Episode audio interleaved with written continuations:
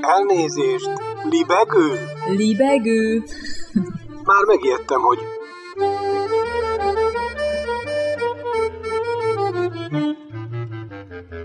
Üdvözlöm Önöket! Ez itt a Libegő újabb szellemröptető műsora. Balázs Attila vagyok, kívánok jó szórakozást! A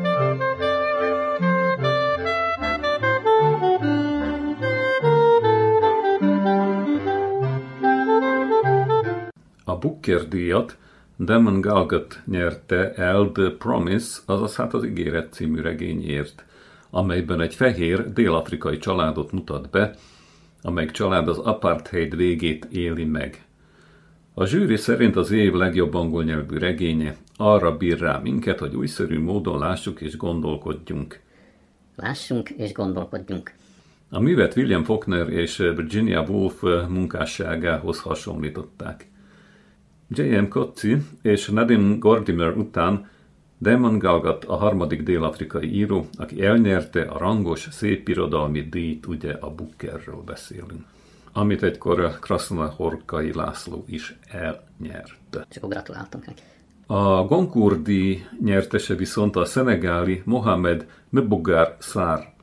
Ő a valaha volt a legfiatalabb díjazott és egyben az első szubszaharai afrikai író, aki elnyerte Franciaország legrégebbi és legrangosabb irodalmi díját. Le plus secret mémoire de homme, Az emberek legtitkosabb emléke című regénye egy Párizsban élő fiatal szenegáli író történetét meséli el. A regény idén jelent meg franciául, magyarul pedig várhatóan 2022-ben jelenik majd meg a Park könyvkiadónál, mert ezt is tudni véljük. A Park könyvkiadónál. Micsoda infónk? Micsoda infóink vannak, ugye? Hm.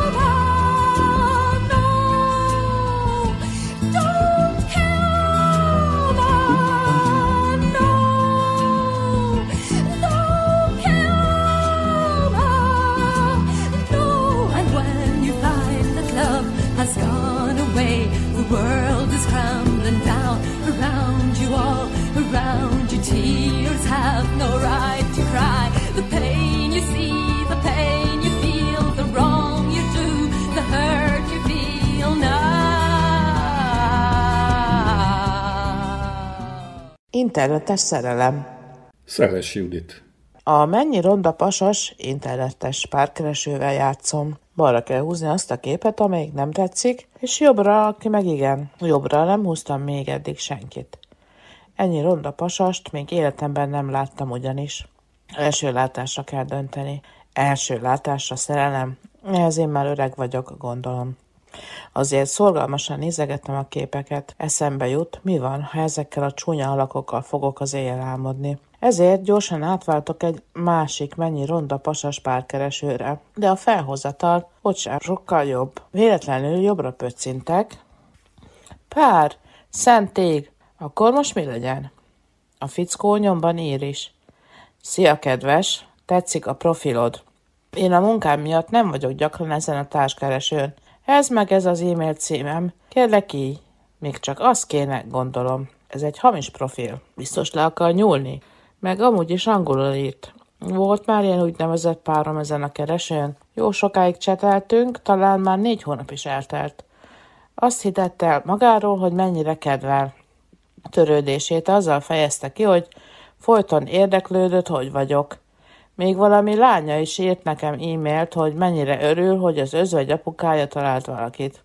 Ez az apuka egy olajfúró platformon dolgozott elmondása szerint. Menedzser volt. és hirtelen az egyik alkatrész felmondta a szolgálatot, és neki, mint menedzsernek kellett előteremteni a pénzt erre az alkatrészre.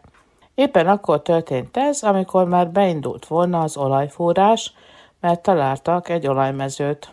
Nagyon gyorsan kellett a pénz, és engem is megkért, hogy egy kisebb összeget utaljak át neki euróban. Ekkor hirtelen megszakadt a kapcsolatunk, hiszen a vak is láthatta, hogy csalóval volt dolgunk. Azóta az angol nyelvű üzeneteket kitörlöm.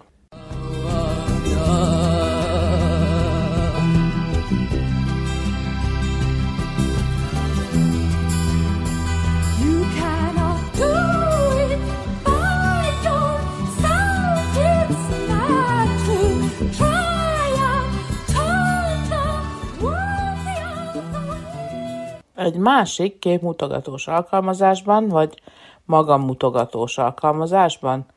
Szóval ott is mutogatnak ezt-azt, de az angol nyelvű megkeresésekre soha nem válaszolok. Annak sem, aki az első mondatában szívinek szólít, vagy aki amerikai katonatiszt, vagy leszerelt NATO katona.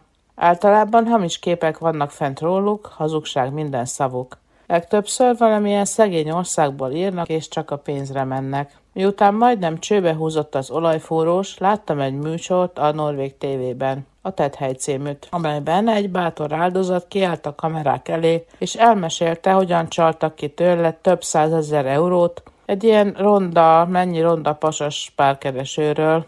A bonyolult banki átutalgatások útvesztőjében nyomot veszítenek a rendőrök a legtöbb esetben. Tehát a pénznek annyi. Aztán a műsor beszámolt arról is, hogyan sikerült egy ilyen szervezett bandát felderíteni mégis. A szállak egy afrikai országba vezettek. Konkrét szemét nem tudtak letartóztatni, de az anonimitást kérő egyik csaló elismerte a tévé kamerái előtt, hogy valóban magányos hölgyekre vadásznak a párkereső alkalmazásokban, és igyekeznek pénzt szerezni tőlük. A legfélelmetesebb talán az volt, hogy az illető országban mély szegénységben élő, családját alig-alig fenntartó férfiakról van szó, a nagyon ronda, de kedves profilok mögött. Befejeztem a pályafutásomat ezeken az alkalmazásokon. Nem csak azért, mert csúnyák, hanem azért, mert még képeket is küldenek a csúnyájukról, úgynevezett dickpiket, vagy egyenesen videót. Ez nálam azonnal kiveri a biztosítékot, mert ezeket vagy a szex érdekli csak, vagy még az sem, csak a magamutogatás és az úgynevezett sex chat hogy a fenében lehet így az első vakrandéig is eljutni, hiszen a net tele van idiótákkal. Az eredmény minden esetre mindig az volt, hogy balra pöccintettem. Pöccintsetek ti is balra, ne dőljetek be a csalók mézes-mázas dickpikjeinek. Asszonyok, lányok, szabotáljatok a mutogatós bácsikat és az amerikai veterán katonákat. Ne hagyjátok magatokat a csőbe húzni egy percre sem, míg a kíváncsiság se hajtson benneteket, keressetek pasikat könyvtárban, kiállításokon, buliban, ahogy azt én is teszem majd ezentúl. Kalandra fel! Now you've done already what you should What meaning I must walk on and on. You've done even more you could do.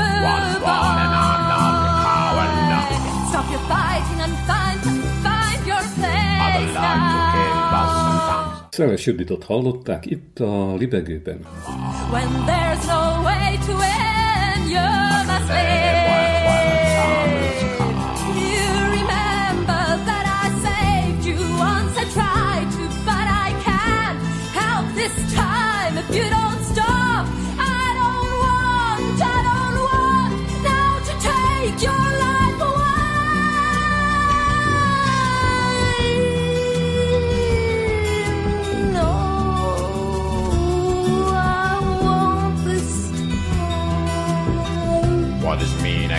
stop to follow those who destroy the life of the one I love? What is war? And I know the man who can live the fighting like a I want peace, I want love.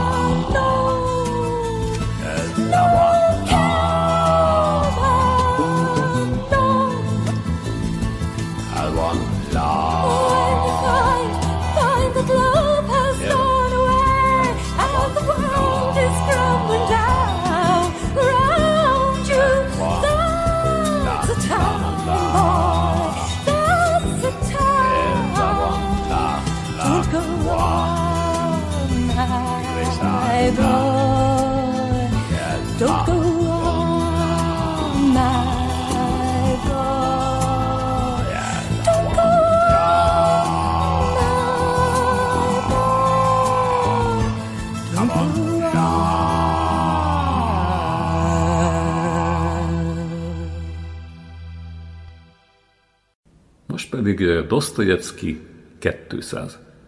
Itt ö, november hónapunk derekán emlékeztek meg világszerte Fyodor Mihajlovics Dostoyevsky születésének 200. évfordulójáról. Az 1821-ben Moszkvában született, majd 1881-ben Szentpéterváron elhunyt író világirodalmi jelentőségének tiszteletére Moszkvában megnyitották az egykori lakhelye köré kialakított múzeumközpontot. A földszinti lakást, amelyben az író családja 1837-ig lakott, már 1928-ban emlékhelyé alakították. Ez alkotja a mostani komplexum központját. Az épület első emeletén Dostoyevsky fő műveit ismertető tárlókat helyeztek el, míg a felső emeleten az életmű többi darabját multimediális installációkkal mutatják be. Priger Zsolt pedig így kiállt fel a Mandiner legutóbbi számában. Isten éltessen, Fyodor Mihálylovi, Fyodor Mihálylovi. Mondja ugye, hogy 200 éve született Dostoyevsky, aki 200 év múlva is aktuális lesz valószínűleg helyén való profécia, aztán hivatkozik Pilinszkire, kicsi bonyolultabban. Pilinszki pedig úgy vélekedett, Persze, ha valaki nem humanista, az nem jelenti, hogy akkor szimplán antihumanista lenne. mondja tehát zavarba ejtően Pilinszki, Priger szerint zavarba ejtően. Úgy nem tudok. Azon a hangon nem tudok beszélni, amelyeken Pilinszki, de megpróbálok. De megpróbálom értelemszerűen tolmácsolni. Ugye, tehát az iméntieket mondta Pilinszki, Dostoyevskire mutatva. Mert, mondja ő, vegyük például a gyilkosokat. A társadalom védekezik ellenük a humánum nevében, de egy gyilkos nem csak gyilkos. Mikor lefülelik, az egész társadalom annak tartja, mi több, ő saját magát is gyilkosnak tartja. Holott volt gyerekkora és ezer dolog. Gondolj el egy humanista Dostoyevskit. Miként írta volna meg a bűn és bűnhődést? Sehogy. Legalább 40 lapon keresztül vállalta azt az alászállást a pokolra, amiről József Attila beszélt. Ez azt jelenti, folytatja Pilinszki, hogy Dostoyevsky 40 oldalon keresztül gyilkos volt. Azonos volt Raskolnikovval, mert az emberiségnek el, elakadó szekerét csak így lehetett kiemelni, vagyis hát így lehet kiemelni a sárból. Megoldás nincs. Valami hozzá hasonló van, azon csak dolgozni tudunk. Fyodor Mihálylovics vissza Prigerhez azt mondja ő, hogy 200 éve született tehát Dostoyevsky, de máig dolgozik rajtam, rajtad lankodatlanul. Olvas bennünk, tud rólunk mindent, olyan, mint egy öreg barát, egy gyóntató atya és egy idegen vezető egy személyben. Dostoyevsky adrenalin, istenkeresés. Kereszténysége álszentség nélküli.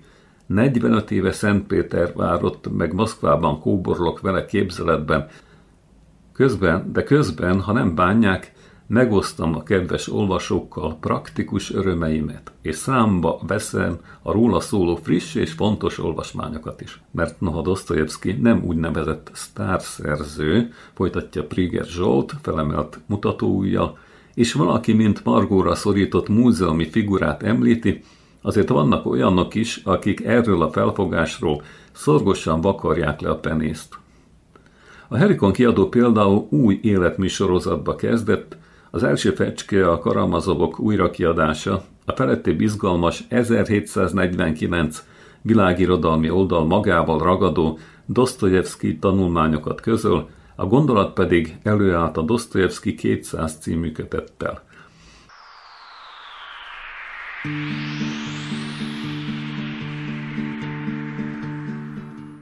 A könyvben szereplő nemzetközi kutatók arra vállalkoztak, hogy Dostoyevsky kelet- és közép-európai olvasási hagyományát járják körül, és beavatnak a magyar szépirodalom Dostoyevsky értelmezésébe is Kunc Aladártól, Móricon, Hambasan át Lukácsig, továbbá kitérnek a kortárs magyar irodalom Dostoyevsky örökségére. Itt említődik ismét Pilinszki János, Tehát Pilinszki, Mészői, Tandori, Eszterházi, Takács Zsuzsa és Balasa Péter világára. Aztán a napokban láttam, mondja Priger, Láttam meg azt a medicina könyvet is, amely a nagy orosz szerzőnek a modern pszichológiára gyakorolt hatásáról íródott. Mindez együtt lehetne akár egy nagy Dostoyevsky feltámadás kezdete is, mert egy ilyen univerzális, örökké aktuális szerzőt soha nem lehet margóra szorítani. És akkor még egyszer Priger Zsolt felkiált. Isten éltessen, Fyodor Mihajlovics, 200 év múlva is aktuális lesz. Aktuális lesz. Fyodor, Nem Fyodor el a szél, semmilyen ár.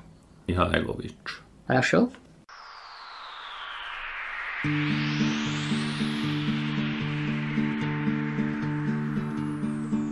Egy hófehér éjszakán Fyodor Mihálylovics Péter várott megáll, mögötte senki sincs, csak egy valaki. S mert sejti, hogy ki. Hátra se nézve szól Fyodor Mihálylovics. Szólj, ördög, mi dolgod velem, röviden szót keríts, aztán iszkili. Nem állhatlak ki, nu stop! Még ifjú íróen, Fyodor Mihálylovics. Szól egy hang a hát mögül, jövője drága kincs, s a cár ellen itt. Összeesküszik, Vészes társaság, amelynek tagja lett. Pálist képzel ide, Péter vár helyett, mint csupa gőg. Összesküvők. Már holnap reggelön láncban lesz bizony, és lakni fogja majd, megjósolhatom, nyolc éven át. Szibériát. Oh, nevet föl erre fel, Fyodor Mihálylovics. Írónak a tapasztalat, a szenvedés drága kincs. Lássuk tehát Szibériát. Még ifjú írón szól az ördög ott. Jobb hát, ha folytatom még a jóslatot, mert lesz egy fanyar, fura kanyar. Mert jó mondjuk szenved ott Fyodor Mihálylovics, és midőn visszatér, sok akadálya nincs a nagy könyveket. Írhatja meg, Ámen nagy művekben káromolja majd. Régen volt társait, kikkel most összetart, s a cár ellen itt összeesküszik. és Párizs fertő lesz az új eszméivel, a miért helyett csak a hogyant keresi majd, mivel érdekesek az emberek. Így jut el emberhez az intézmény helyett, Szólt a hang és nevetett, ott a hát megett. Dostoyevsky. Így maradt végül ott Fyodor Mihálylovics, rázva zúgó fejét, gondolata sincs, hogy itt mi lesz. Ki érti?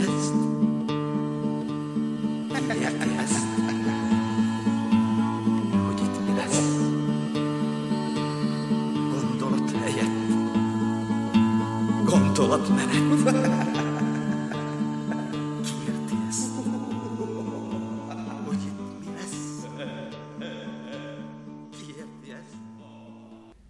Kis orosz mese Oleg Gerasimov Némely filozófia kártékony hatásáról Oleg Gerasimov nagyon szerette a vodkát. Ponyimáhes, citrommal meg jéggel, közben Nietzsét olvasott. Így feküdt az ágyon, kortyolgatva, közben a könyvet bújta. A jég néha odakoccant az üveghez, az üveg pedig halkan csendült.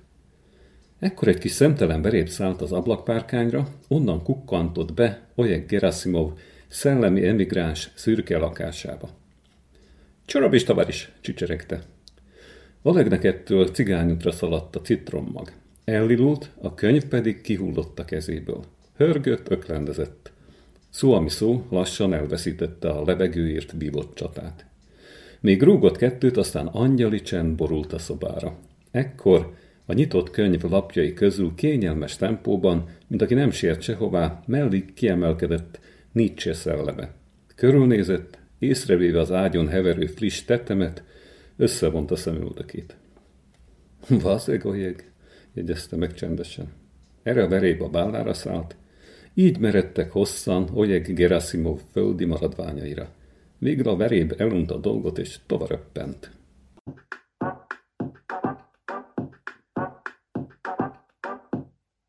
Поле, поле, поле, я ж мало, поле, поле, поле, так мало. Как пройти по полю из огня? Как пройти по полю, если ты одна? Ждать мне что-то ручечки и ручки? А кто подаст мне ручку, девочки? Испокон веков с ночи до утра, с ночи ночи ждем и корабля, ждем и корабля, очень-очень с ночи до утра, ждем и корабля, ждем и корабля. А чё ждать? Встала и пошла!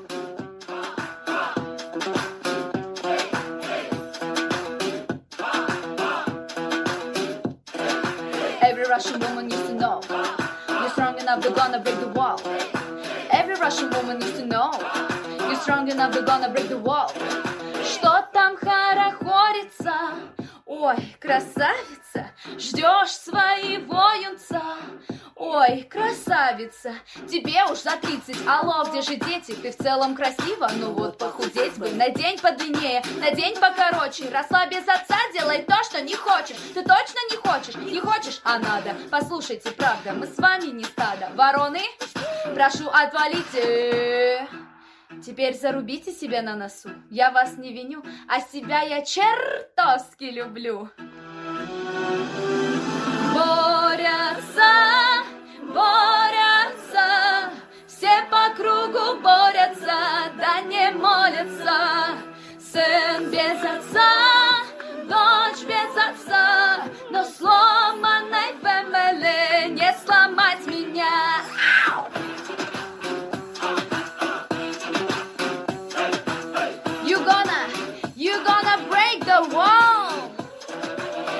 Russian woman used to know. You're strong enough, you're gonna break the wall. Every Russian woman used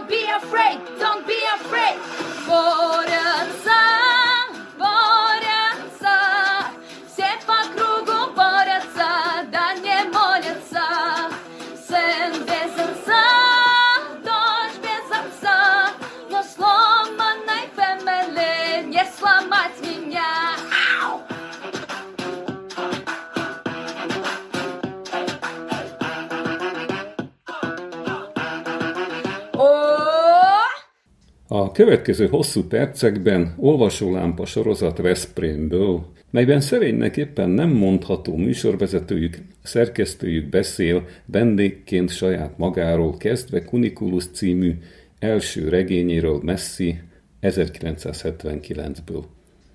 Természetesen ő kezdi, a moderátor elé tolakodva, pofátlankodva, egyébként ez a második rész. Ja, a moderátor Fenyves Jotto.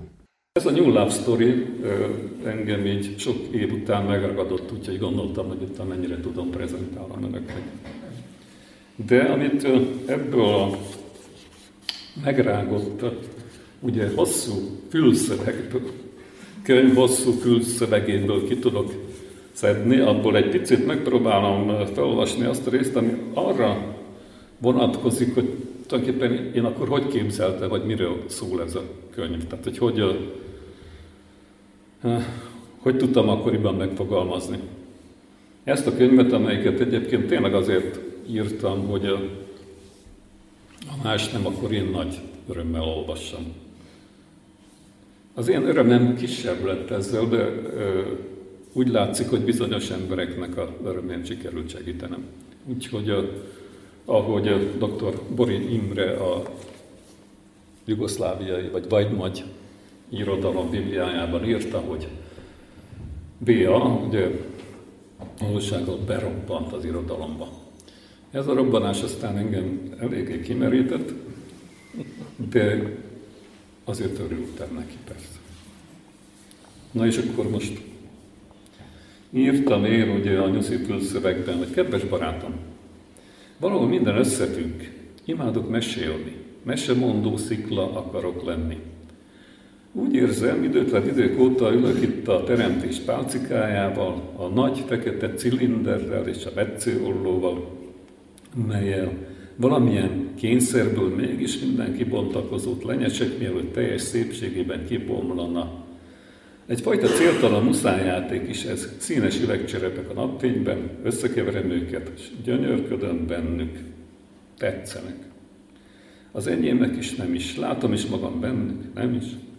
A kavargó történetek, történetdarabkák, képek, gondolatok és gondolattöredékek, ötletek és ötlettöredékek, ötlettelenség, stb.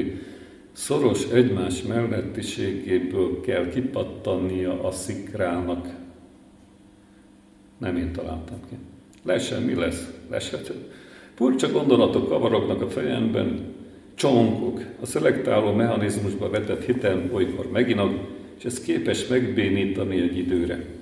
Csak a Gutenberg galaxis tökéletlen tökéletességének ajzó gondolata oldja fel a görcsöt, meg a módszerbe vetett hitem. A módszerbe, melynek nem szabad tévesnek lennie, nem szabad rossznak lennie, jónak kell lennie, sőt, többnek. Ilyenkor folytatni tudom a szövegetés, metszegetés, néhol könnyed, néhol könnyes, véres öregbító játékát. Az emlékező tehetség, mint a halványulna, már bár mintha egy magam a folyóban még. Önállósuló folyam, törvényeket igyekszik szülni, törvényeket igyekszik diktálni, egyre kevesebb olyan kanyar, amelyet én szeretnék. Félek, hogy untatlak, félek, hogy fölöslegesen ismételgetik. Értsél meg, itt paprálok ezzel az istenverte kalappal, és nem tudom kiemelni belőle a nyulat, míg mások ezt olyan elegánsan csinálják. Figyelmem folyton elkalandozik, képzelj el egy sorozat felfújandó légőbbet. Én azokat a légőbböket akarom felfújni, amelyeket mások nem. Hát itt tette meg a Kázmér nevű baknyúl ennek a szövegnek a további részét. Legfeljebb a, egy kicsit itt, amit a Kázmér meghagyott, azt uh, még ezt olvasom. Pedig tudod-e, mit mondott a mesebondó a mese végén a meséjét, a mesét tátott szájjal hallgató szíjuknak, nem a szíjuknak, hanem az irokézeknek. Tudod-e? Azt mondta, hogy most már berekeztem a szavamat. Amíg világ a világ, emlékezzetek a most hallottakra. Mondjátok tovább gyermekeitektek és unokáitoknak, egyik nemzedék a másiknak lesz, aki jobban fog emlékezni, mint a többiek, lesz, aki szebben mesél, mint mások, de egyet tudjunk, ha elmentek egy mesemondóhoz, és megkéritek, hogy mesélje el nektek a rég volt történeteket, vigyetek neki ajándékot, kenyeret, vagy húst, honort, vagy ami éppen adódik, s hallgassátok végig akkor is, ha olyat mesél, amit már ismertek, mert soha többé nem fog mesélni nektek. És akkor a Unikulsz nem olvasnám végig, mert 300 oldal, csak azt szeretném mondani, hogy egy ilyen kis írógéppel írtam ezt az egészet, és gyakran, gyakran félreütöttem. És hát az van, hogy mivel gyakran félreütöttem, akkor végül el is untam ezt javítgatni. Úgyhogy végül rájöttem, hogy ez nagyon jó játék, nem tudom, hogy mi látszik ebből. Tehát, hogyha félreütöttem egy pontot, akkor végül, végül így annyi pontot ütöttem ki, még nem lett belőle egy valamiféle értelmezhető képző, művészetileg, illusztrációbelileg értelmezhető ábra. Úgyhogy sokáig tartott ezt, ezt nekem azért leírni, és végül is kollégánk Marics Ferenc ezt szépen beszerkesztette úgy, hogy meghagyta az én kis játékaimat. Úgy lett valahogy ez legalábbis az én elmémben egy ilyen összefolyó dolog, hogy a szöveg átmegy ilyen ugyanazzal a géppel, ugyanazzal a vetőrendszerre átmegy egy ilyen ábrába, aztán magunkhoz térünk, akkor folytatjuk a szöveget valahogy. Úgyhogy így keletkezett az a könyv. És a későbbiek, ami még nagyon nagy élmény volt számomra ott Újvidéken a 80-as évek legelején, hogy azt hallottam tőled, valószínűleg te mesélted, és hát biztos, hogy te mesélted, hogy ennek, ennek a könyvnek a honoráriumából elmentetek Zitával Amerikába. És ott írtál egy fantasztikus amerikai naplót, amit szintén közöltél a, a Vajdaságba, a Híd folyóiratba. Erről esetleg mesél, hogy az Amerika élményed hogyan folytatódott? Hát, hogyha szerkeztünk, hogy mondjuk egy filmet veszünk fel, akkor ugye snitt. Tehát ott, ott állt meg a jelenet, hogy állok a diófán és Amerika felé nézek, ugye. és a képregényből kifolyólag azt gondolom, hogy tényleg el kell látogatni Amerikába. És ez úgy kezdődött, hogyha igazából, tehát így azért elmesélem, hogy ez hogy történt, hogy 18-19 éves lettem, én 55-ben születtem, úgyhogy nagyjából ez az ábra. Akkor a szomszéd logika tanárnak a lánya, egy Márta nevezetű kis hölgyike, aki nagyon szemre való volt, és így a falnak a másik felén hirtelen kinőtt neki a csodálatos melle, és az nagyon megragadott engem egyébként így látványilag, meg hogy izgatott mindig is, hogy ez ilyen közel történik. Én a, a, fal egyik felén feküdtem, meg a ikerháznak a másik felén. Na de nem tudom, hogy mit érzett ebből igazából, de szimpatizált velem, látta, hogy odafigyelek, foglalkozott. úgyhogy, úgyhogy jött neki egy olyan alkalom, hogy elmenjen Amerikába, csak hát nem ment, mert mondja, hogy, mondta, hogy ő, szóval, hogyha idézem, akkor azt mondta, hogy szarul tud angolul, és nem szeretne ott égni. Úgyhogy inkább akkor próbáljak menni én. Én akkor már felfejlődtem angolban. Elég jó. És akkor mondtam, hogy miről van szó. Kérdeztem. Hát mondta, hogy arról van szó, hogy el kell menni Belgrádba. Nem csak eséllyel, mert Újvidékre, Belgrádba ottan próbálkozni. És meg, de hát azért próbáljam meg. Mert oda jön egy amerikai illető, aki ott teszteli az egybegyűlteket, és akkor, hogy akit kiválasztott, az elmed Amerikába, mondjuk egy ilyen nyári két-három, azt hiszem az enyém három hónap volt hát munk, dolgozni. Csak ugye lehetett válogatni, hogy az ember kempingben tanít valamit, ilyen nyári kempingbe diákoknak, vagy elmegy fagylaltot árulni, vagy hát étteremben mosogat. Most kezdjük hátulról. Az étteremben mosogatás az komoly pénzt jelentett. Tehát az, ha valaki végigmosogatta, elment Amerikába, lelkere, nem ment sehova, végigmosogatta és elment haza, az Tök jó, hazavitt egy rakás pénzt. Aki fagylaltot árult, például azt én nem tettem meg, mert nem volt jogsim. De az legalább mászkált valahogy. De és akkor ez a kemping, ahol lehetett tanítani gyerekeket, tehát a szülők ott hagyták egy nyára gyerkőcöket, kisebb, nagyobb, egy picit nagyobbik, és hogy akkor talán az lesz a legjobb, és akkor én tanítok, aztán na, Belgrádán tartunk, tehát sikerült, átmentem ezen a vizsgán, csak kellőképp kellett viccelődni, végig meg tetszettem a figurának. Meg hát azért nézték az angol nyelvtudást, én nekem volt szerencsém, hogy ezt itt tudtam. És akkor el, elkerültem egy Amerikába, tényleg azt választottam, hogy tanítsak, és akkoriban volt, egybe gyűltek közül, ki tudja, hogy Pelé ki volt valamikor a brazil válogatottnak a, a sztárja, és egyébként a összes idők valószínűleg egyik legnagyobb focistája. Azt hiszem, hogy a neve úgy hangzott, hogy Edson Arantes do Nascimento de Pelé. Dél-amerikák tudnak ilyen érdekességet gyártani.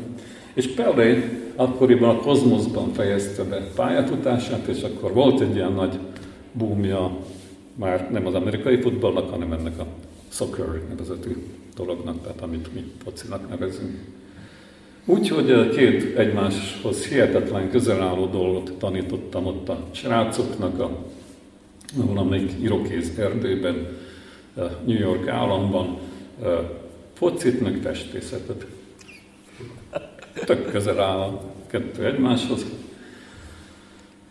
És ez volt ez az első amerikai utam, ami aztán azzal, azzal végződött, hogy ott bizonyos pénzeket kerestem. Nem én lettem ott a Bill Gates természetesen, de hát így, szolid.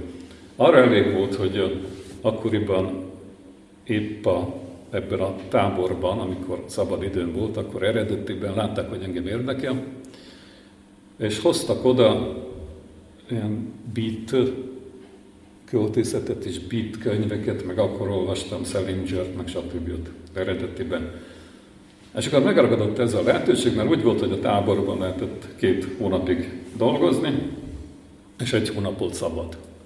És ugye hát Amerika az volt, hogy tényleg jó kellett bánni a gyerekekkel, szeressenek, stb. Minden, a szülők minden hétvégét meglátogatták, és megválogatták a tanárokat, meg a tanárnéniket, és adtak nekik borravalót. Úgyhogy én annyit, annyit kaptam, hogy azután egy hát viszonylag szűkebb kör, hát azért azt ért úgy, hogy a nagy tavak vidékéről, az alsó nagy tavak alsó részéről, én elstoppoltam fel Kanadába, Montrealba, Torontóba, stb. Tehát azért ez egy elég érdekes túra volt, és meglátogatott embereket, akikkel ott összeismerkedtem a táborban, és akik neki szimpatikus voltam, meg nekik is szimpatikus. És aztán jó, de hát végtelen történet, még hol vagyunk a másik után. Tehát mi, mi, mi lett a Kunikulus honoráriumával? Hát a Kunikulus honoráriumával az lett, hogy ennek tükrében, csak akkor már érkezek vissza, tehát hogy, hogy Kanadában, a francba, amikor visszaindultam New York államba, és el kellett volna röpülni haza, akkor hát bus strike, éppen. Buszok nem mentek, stb. Akkor visszastoppoltam ugyanebbe a kempingbe, ott bizonyos pénzzel lefestettem a gazdának, aki még ott volt kempinget, hogy néz ki. Nagyon elégedett volt, szép tó, csónakok, minden. Az, hogy ez nekem palicsi élményem, meg Balaton elegyedik azzal, amit ott látok, az nem érdekelt annyira, nagyon elégedett volt a dolga. Úgyhogy kaptam még némi zsetont, és akkor aztán, amikor visszatértem New York államba, és elrepültem, akkor azon gondolkodtam, hogy mennyire jó lett volna, én mennyi mindent nem láttam ebből a hatalmas valamiből. Mennyi mindent nem láttam, és pénzem is maradt. Hát akkor gondoltam, hogy ez a, mert akkor még fizettek, tehát a, ezt, amit kaptam ezzel a könyvért, azóta csak kisebb lett. 1979 óta óriási fejlődtünk honorok dolgában, úgyhogy ez még jó volt arra, hogy akkor a későbbi feleségemmel, akkori párommal, Balázs Zitával elmenjünk Amerikába. Az én ötletem volt, hogy akkor járjuk, járjuk körbe, amit én nekem nem sikerült körbe stoppolnom, meg stb. Hát nem sikerült egy élet, nem egész rá. De csak azért vonzott vonzott Amerika nagyon, mint a korlátlan lehetőségek hazája, nem csak abban, hogy sok pénzt keresni, mert az tulajdonképpen az, nekem meg se fordult a fejemben, meg nem is történt meg, hogy sok pénzt keresek ott, hanem hogy fantasztikusan lehet utazni. Tehát, és hogyha az ember belegondol abba a világba, amit leírt Jack Kerouac, meg a Bitnikek leírtak, meg amilyen életet éltek, hogy tényleg van egy nyíl egyenes út valahol francba, ott a végén van egy kis hegy, valahol, ezt nagyapám úgy mondta, hogy a picsában van egy. És oda kell eljutni. Sőt, azon is túlra. Ez, ez engem nagyon vonzott. Csak amikor már a lendő feleségemmel mentem, akkor át nem volt annyira kalandos, mert azért nem annyira kedvelte volna ezt a kalandot, úgyhogy én, amit tudtam ebben a dologban, megcsináltam. Az kaland volt, hogy amikor megkaptam a pénzt a, ezért a könyvért, gondoltam, hogy tényleg valamennyit kell hozzárakni, és akkor ez megvalósítható, úgyhogy menjünk el Amerikába, és akkor valami nagyon nagy dolgom volt, ő meg éppen ráért, és mondtam, hogy menjen be egy utazási irodába. És kérdezte, hogy mit mondjam? Hát mondta, hogy Amerikába akar menni. Úgyhogy amikor így bement, és azt mondta, hát igen, Amerikába szeretnénk menni, akkor ott úgy néztek rá, mint akit valahogy kicsit be kéne zárni sürgősen, tehát vagy valahogy belenézni az agyába. De aztán kiegyezett ott, a, ott lévőkkel, és akkor mi így elmentünk Chicagóba egy repülőbe, adhok, felszálltunk, mert oda szólt az első. Ezt így kedden intéztük, és akkor csütörtökön. Elmentünk, és emlékszem, csak akkor döbbentem rá, hogy mit csináltam, amikor éjszaka érkeztünk, és Chicago fölött, mert akkor volt a közlekedés, olyan sűrű, hogy a gép ottan körözött lefel, és akkor lenéztem úgy, és láttam, hogy fények erre, ameddig ellátsz, fények amarra, ameddig ellátsz. És mondtam, hogy akkor ott kell nekünk valahol. Ott kell nekünk valahol boldogulnak. Nagyon sikerült. Egy uh, ilyen más fél hónapos Emery Pass jegyet vettünk a Greyhound buszra, az annyiban volt tök jó, hogy ottan felszállt az ember. Ott volt, utaztunk, le tudtál szállni, ahol akartál felszállni, a másik Greyhoundra, stb. és nézelődni. És ugye hát még mi azért még így is templom megerei voltunk. Nagy, nagyon csodálatos volt, hogy az amerikai buszokban el lehet menni a klotyóra, és akkor nem kell leszállni a buszról, és utána nyargalni, hanem elmegy az ember, és akkor ez egy ilyen teljesen, hogy is mondják, ott convenient volt, úgyhogy, úgyhogy akkor itt végigjártuk. Na de, csak azért eresztettem meg ennyire a dolgot, mert mondtad ezt a, tehát ebből született igen egy napló, amit egy ilyen amerikai útirajz, és most azzal foglalkozom, hogy eltérem a vajdasági magyar irodalmat ilyen rajzba, meg fantasztikus irodalomba, és így előkerült nekem ez az én saját, saját naplom. És azt gondolom, hogy ez egy nagyon jó nyersanag, úgyhogy elkezdtem újra olvasni. A napló az egy olyan, mindig, mindig egy olyan, hogy egy részében nagyon gyorsan megöregszik. De hogyha az ember szerencsésen nyúl hozzá, már pedig ilyen bízom benne, akkor talán be tudom emleszteni ebbe a majd nagy dologba egy amerikástól bizonyos részeiben legalábbis. A vajdasági magyar irodalomban volt még egy fantasztikus amerikai úti rajz, úti napló, őt a Stolnai Otto írta, és amikor a múltkor itt volt három vagy négy évvel ezelőtt, akkor kérdeztem is tőle, hogy az a naplója az megvan-e, azt mondta, hogy azt ő odatta valakinek, ugye, mert azt ő kéz, és hát géppel írta. Nem nekem. A 80-as években, és hát a, a, azt ő felolvasta az Újvidék Rádióba, így hetente ilyen folytatásokba, és sajnos az, az eltűnt, és azt hát nem tudja újra írni, de Attila naplója, hála Istennek megmaradt, és, De ez valami célzás?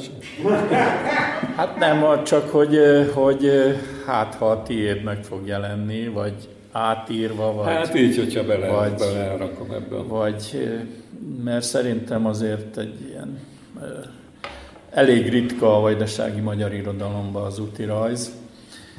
Mondjuk Sáfrány Imrének volt néhány párizsi és egyéb adriai, olaszországi úti rajza, de ezek fantasztikus jó. Hát meg a régieknek, régieknek volt, csak az egyrészt túl régen van, másrészt meg hát akkor még más stílusban írtak, Igen. és nehezen olvasható, na már, meg nehezen értelmezhető. És a, a kapcsolatodról szeretnélek még kérdezni az amerikai irodalommal, illetve a fordításokról, amik szintén befolyásolták az életedet a 80-as években illetve később is talán. Hát igen, ott kezdődött, mondom, hogy ott ebben a táborban olvastam Salinger-t, meg amerikai beat nemzedéket. De hogyha vissza fűzöm ahhoz, amit mondtam. Tehát, hogy a nagyszüleimnek volt ez a kiadásos beszéd, és engem elkezdett, vagy emlékezetes, stb. Engem elkezdett vonzani ugye a modern regény, aminek a, amelyik az időkezelése ilyen érdekes. És a modern regény nyomán jutottam el William Faulknerhez, aki nekem nagy élményem volt mindig is. Na most, hogyha William Faulkner életművét úgy megnézett, tehát azért egy élet nagyjából lehet, hogy nem is elég ezt rendesen az egészet átolvasni, nem tudom, neki hogy volt elég megírni, de néha az olvasónak nehezebb dolga van, mint az írónak a dekódolásban, úgyhogy úgy, úgy, ez elég sokáig eltartatott. Na de itt közben szólt igen a beat irodalom. És mondom, a stoppolással összefüggésben van ez a dolog, mert a stopp, jó részt, mert a stoppolás valamikor, ugye a mai fiatalok már nem, nem tudják, hogy ez egy, az egy másik élet, ez egy életforma volt. Tehát ezt lehetett életformaként vinni. Tehát amikor például, emlékszem itt Magyarországon, nem tudom, itt mondok egy példát, hogyha hát jöttem Jugóból Szegedre valamilyen módon, és akkor kimentem abba a nagy 90 fokos kanyarba, ami az az út, ami Pestre visz, tele volt stoppossal. Kecskemétből mentél ki, tele volt stoppos, ott rengetegen álltak. És az emberek felvették őket sorba. Tehát szinte sorba álltak a, a autósok, hogy felvegyék a stopposokat. Ki, ki lát ilyet? Nincs. És ez Jack Kerouac úton című regénye nyomán szűrődött be az én irodalom, irodalmamba, vagy a agyamba elsősorban, és mondom, nálam is találkozott egy ilyen életvitelként volt, illetve van még mindig egy angol barátom, aki a Newcastle Egyetemen dolgozik. Ő akkoriban nagyon sokat stoppolt mindenfelé. És eljött, úgymond felszedett engem új vidéken, és elmentem, stoppoltunk mindenfelé Görögországtól kezdve. Stb. nagy élmények, hosszú, hosszú történet. A az idő halad előre, ezért arra kérnélek, hogy a, a 90-es évek elejéről beszélj röviden, vagy, vagy valamit olvas fel az áttelepedéssel kapcsolatban. Ugye a, az utolsó könyved, ami, ami Vajdaságban jelent meg az 50, 86, és utána viszonylag hosszú idő telt el a más a következő könyvet 95-ben van beírva itt nálam, de lehet, hogy volt közben, de ez azért már valamit az áttelepülés. Ez azért már nem utazom Argentinába? Igen. Előtte még volt, tudom, az a postaládás jakfüzet. Hát igen, kitette a macskát a postaládába, az egy kis jak könyvecske volt, de az egy ilyen összesöpörmény volt. Tehát igen, az. A, a, a Hát igen, fölkértek, hogy, hogy kérdezik, hogy van egy kéziratom, mondom, hogy éppen nincsen.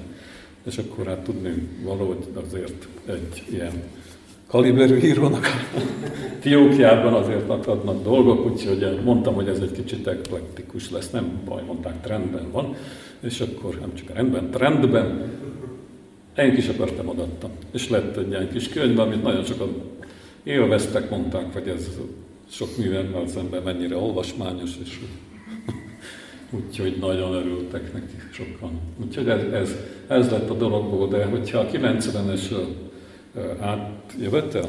Igen, az áttelepüléssel hát, ott, ott az mennyire hatott, vagy ott, ott valami. mennyire volt hatással az irodalmadra, a művészetre? Hát úgy, hogy ugye, hát, hogy mondom, viccből, hogy volt ott valami háború.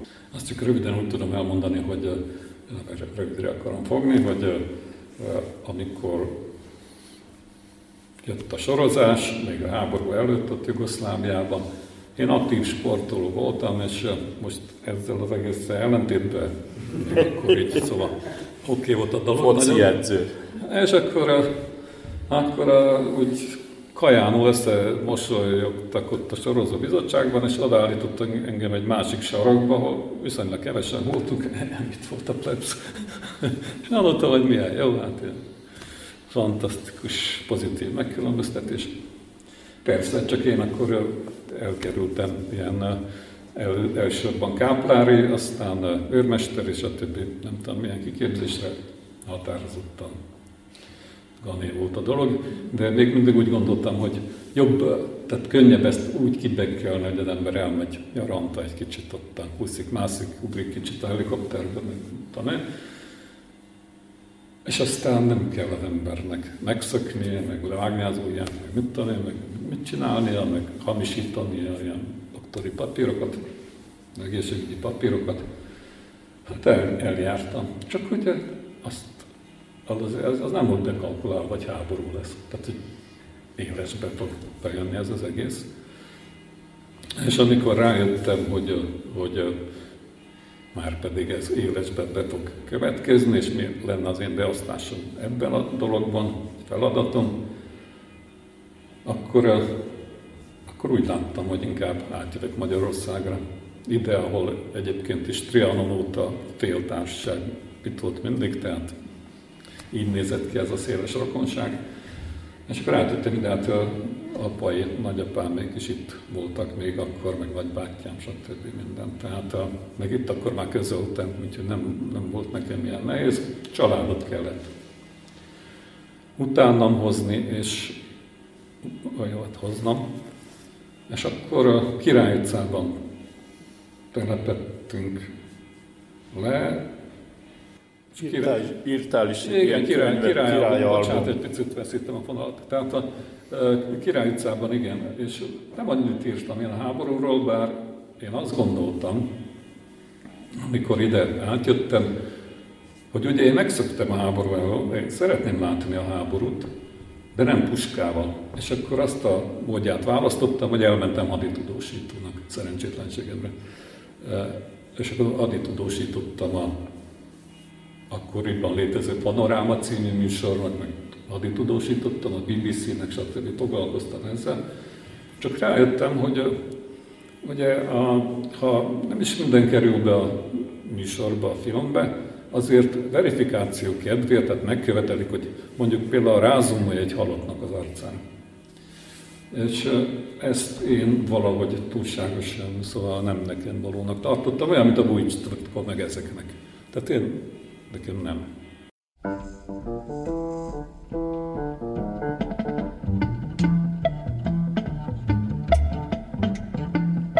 A Veszprémi olvasólámpa sorozat második részét hallották. Szerkesztette és vezette Fenyvesi Otto. Vendégük volt, nem mondjam ki, hát arcspirító.